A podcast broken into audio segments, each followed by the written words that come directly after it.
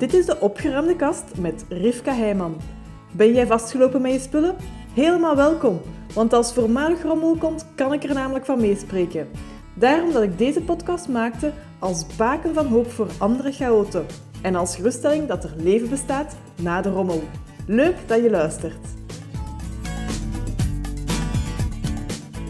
Tijd om tegen heilige huisjes te schoppen in deze aflevering. Ik wil, als het op opruimen aankomt, echt wel ja, een standpunt innemen en mogelijk eentje waar dat je van denkt van oeh, nu schrompel ik helemaal in elkaar van gewoon al het idee. En toch ga ik het doen, omdat ik ervan overtuigd ben dat dit een verschil maakt. Dus, het heilig huisje waar ik tegen ga schoppen is dat je altijd alles heel moet houden. Dat klinkt raar, ik weet het. Wat bedoel ik met heel houden? Dat gaat zowel over een set, een set van servies, een set van kleding bijvoorbeeld. Dus sets die bij elkaar horen en waarvan dat jij een deel gebruikt en een ander deel niet gebruikt. Waarvan jij zegt een deel is zo symbool voor een herinnering aan mijn oma, aan mijn mama die gestorven is, maar ik hoef niet de hele set bij te houden om die herinnering te hebben. Ik kan één deel bijhouden, ik kan één voorwerp houden en de rest kan ik laten gaan. En waar ik misschien nog het meeste mee tegen de, de schenen schop van boekenliefhebbers, is dat je zelfs in een boek mag het geheel ontbinden om ervoor te zorgen dat jij hetgeen hebt dat u triggert, hetgeen dat voor u is van dat is de reden waarom ik dit moet bijhouden, dat je die kan oplossen, hè, dat je uw voorwerp, het stukje van uw voorwerp waarop dat jij zegt van oh, ik blokkeer hier helemaal op, ik kan dit niet wegdoen, maar dat het vaak is omwille van een klein stukje er maar van. En dan is mijn boodschap dus Maak het kapot. Maak het kapot. En ik weet dat mijn mama ook luistert naar mijn podcast. En ik ben niet zo opgevoed. Dus elke keer als ik in deze situatie ben, dan denk ik aan mijn mama terwijl ik denk van, als ze dit zou zien, ik zou zo op mijn kop krijgen. Hier zou ze het zo hard niet mee eens zijn. En toch wil ik het jou vandaag vertellen. Durf het wel kapot te maken.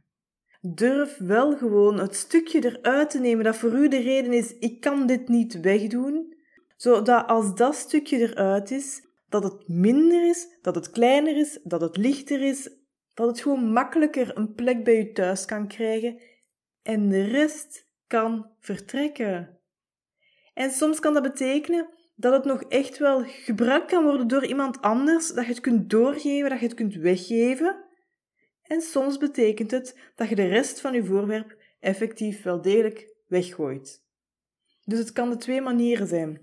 Dat is niet erg. Het gaat om voor u het stukje eruit te kunnen halen dat zo belangrijk voor u is, dat de reden is waarop dat jij zegt van nee, het moet blijven, dat je kunt zeggen oké, maar als ik dit deel heb, dan mag de rest wel weg.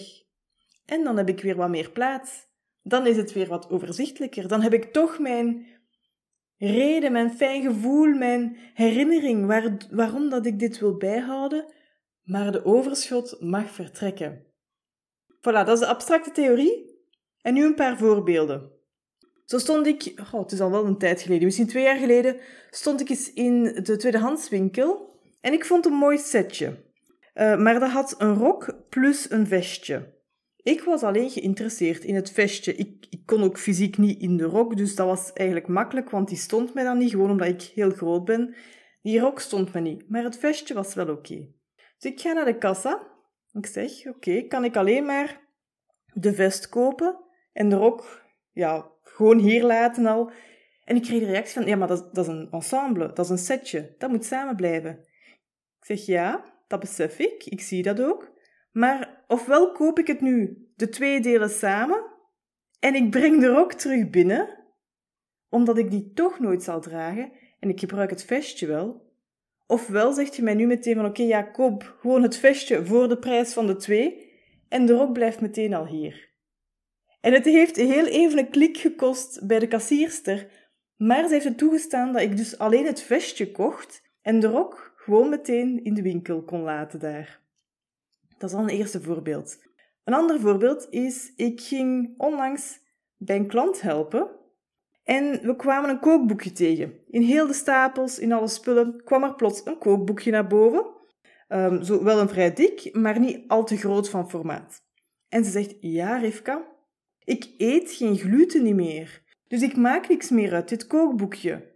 Maar de reden waarom dat ik dit niet kan, niet kan wegdoen, is omdat er één recept in staat dat zoveel herinneringen losweekt, dat we zo vaak hebben gemaakt. En daarom kan dit kookboek niet weg. Want dat wortelcakerecept staat daarin. Dat is zo'n gezinsherinnering voor ons.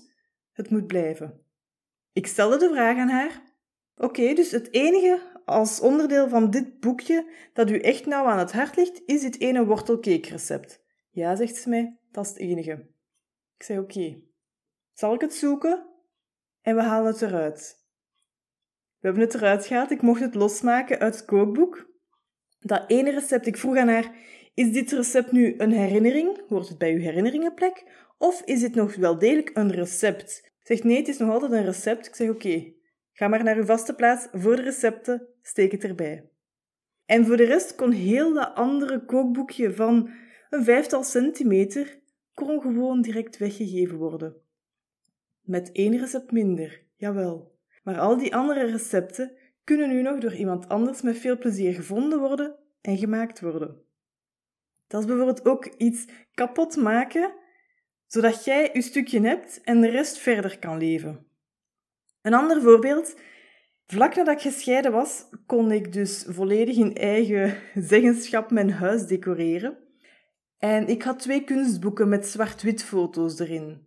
Ik vond dat mooie foto's, ook hele oude foto's waren het. En ik besefte toen, dat was nog net voordat ik echt met opruimen bezig was, maar wat ik toen heb gedaan, is de mooiste foto's die in dat boek stonden, heb ik eruit gesneden en die heb ik aan de muur bevestigd. Dus ik had een hele galerij eigenlijk aan één muur met allemaal mooie zwart-wit foto's, waardoor dat mijn kunstboeken wel degelijk kapot waren toen was die gesneden, daar ontbraken pagina's in. Maar ik besefte toen al van, als ik die foto's in de boeken laat zitten, die boeken liggen ergens stof te vergaren en ik heb er niks aan. Ik bewonder de foto's niet, ik neem die boeken ook nooit vast om in te bladeren, dat gebeurt niet. Terwijl door het boek zelf kapot te maken, daardoor kon ik wel dagelijks genieten als ik dan langs die muur liep. En dat heeft mij geholpen om te kunnen genieten van die foto's toen. En na een aantal jaar zijn de foto's van de muur gegaan. Ik weet eigenlijk niet meer juist wat er met de boekjes is gebeurd. Ik denk dat ik de boeken heb moeten weggooien dan, of heb weggegooid. Mm, dat weet ik niet meer juist wat ik ermee heb gedaan.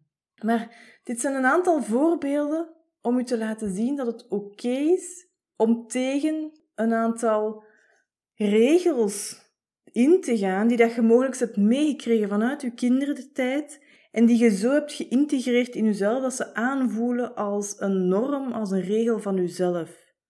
Vraag je eens af bij voorwerpen waar dat je echt helemaal op blokkeert van wat is het hier nu mee? Wat houdt mij vast in dit voorwerp waardoor dat ik het niet kan lossen? En dan kan het zijn dat je daardoor gewoon jezelf al meer opties geeft om te kiezen over dit voorwerp. Dat je je afvraagt van is er nog een andere mogelijkheid dan alleen maar het blijft in zijn geheel of het gaat in zijn geheel? Durf een keer jezelf daarin te stretchen. Het is een uitdaging, ik weet het. Het is voor mij elke keer als ik het doe ook nog wel een, een zekere stretch, maar ik durf hem wel al te nemen, omdat ik weet wat voor voordeel het mij oplevert door meer overzicht te hebben bij mij thuis, door bewuster te kunnen gaan genieten van de spullen die dat ik wel hou, of de deeltjes van spullen die dat belangrijk voor mij zijn, en dan andere stukken te kunnen lossen, weg te geven, weg te gooien, en dat ik er geen verantwoordelijkheid niet meer voor draag. En nog een ander voorbeeldje waar ik net aan denk, ik doe dit zelfs ook bij kinderknutsels of kindertekeningen. bij creaties, bij ja, dingen die ineengeknutseld zijn door mijn kinderen en waarvan dat ik zeg van, goh, deze voorkant, bijvoorbeeld mijn moederdag, had ik een, een kaart gekregen, maar het was voor, ay, voor ingevulde lijnen waren het, die waren wel gekleurd, maar dat was niet dat dat het mooiste kunstwerk was dat mijn zoon heeft gemaakt dit jaar. Maar aan de andere kant van de tekening was er wel een zelfgeschreven brief aan mij geschreven. De brief vond ik heel fijn, ook naar handschriftontwikkeling toe. En ja, dat is gewoon fijn om nog zo een handgeschreven brief te hebben van mijn zoon, waarin dat ze de grootste liefde betuigen aan, aan mij. Dus die brief was wel speciaal. De voorkant was minder speciaal. Dus ik heb die twee van elkaar getrokken en de brief is in mijn herinneringendoos gegaan en de voorkant heb ik weggegooid. Is oké. Is oké voor mij, voor mijn kind. Mijn zoon gaat later niet zeggen van wat is hier nu mee gebeurd? Jij houdt niet van mij, mama, omdat jij die tekening van de voorkant hebt weggegooid. Dus durf eens uit de box te kijken. En ik weet het, Moeke, als je luistert, ga je dit echt wel ook lastig vinden om te horen dat ik dingen soms uiteenhaal om dan verder te laten reizen. Maar ik heb het liever dat onderdelen verder kunnen gaan dan dat ik ze nog jaren bijhoud, dat het mijn huis laat voller lopen, dat ik minder mijn weg vind tussen mijn spullen, minder makkelijk vind wat ik nodig heb, veel meer te onthouden heb. En dus een deel gaat gewoon nu al weg.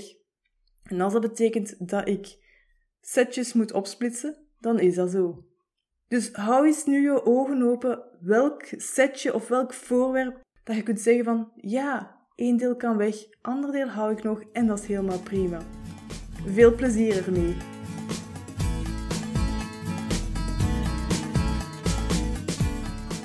Ziezo, dat was het voor deze aflevering van de opgeruimde kast. Vond je deze aflevering waardevol? Deel het dan met iemand die er ook mee geholpen is en laat een review achter. Ik vind het trouwens leuk om berichtjes van luisteraars te ontvangen als een aflevering een bepaald inzicht gaf of iets in beweging zette. Laat het me weten, ook als je vragen of suggesties hebt natuurlijk. Dat kan via contact@goedgeschikt.be. Heel fijn dat je erbij was en graag tot de volgende keer.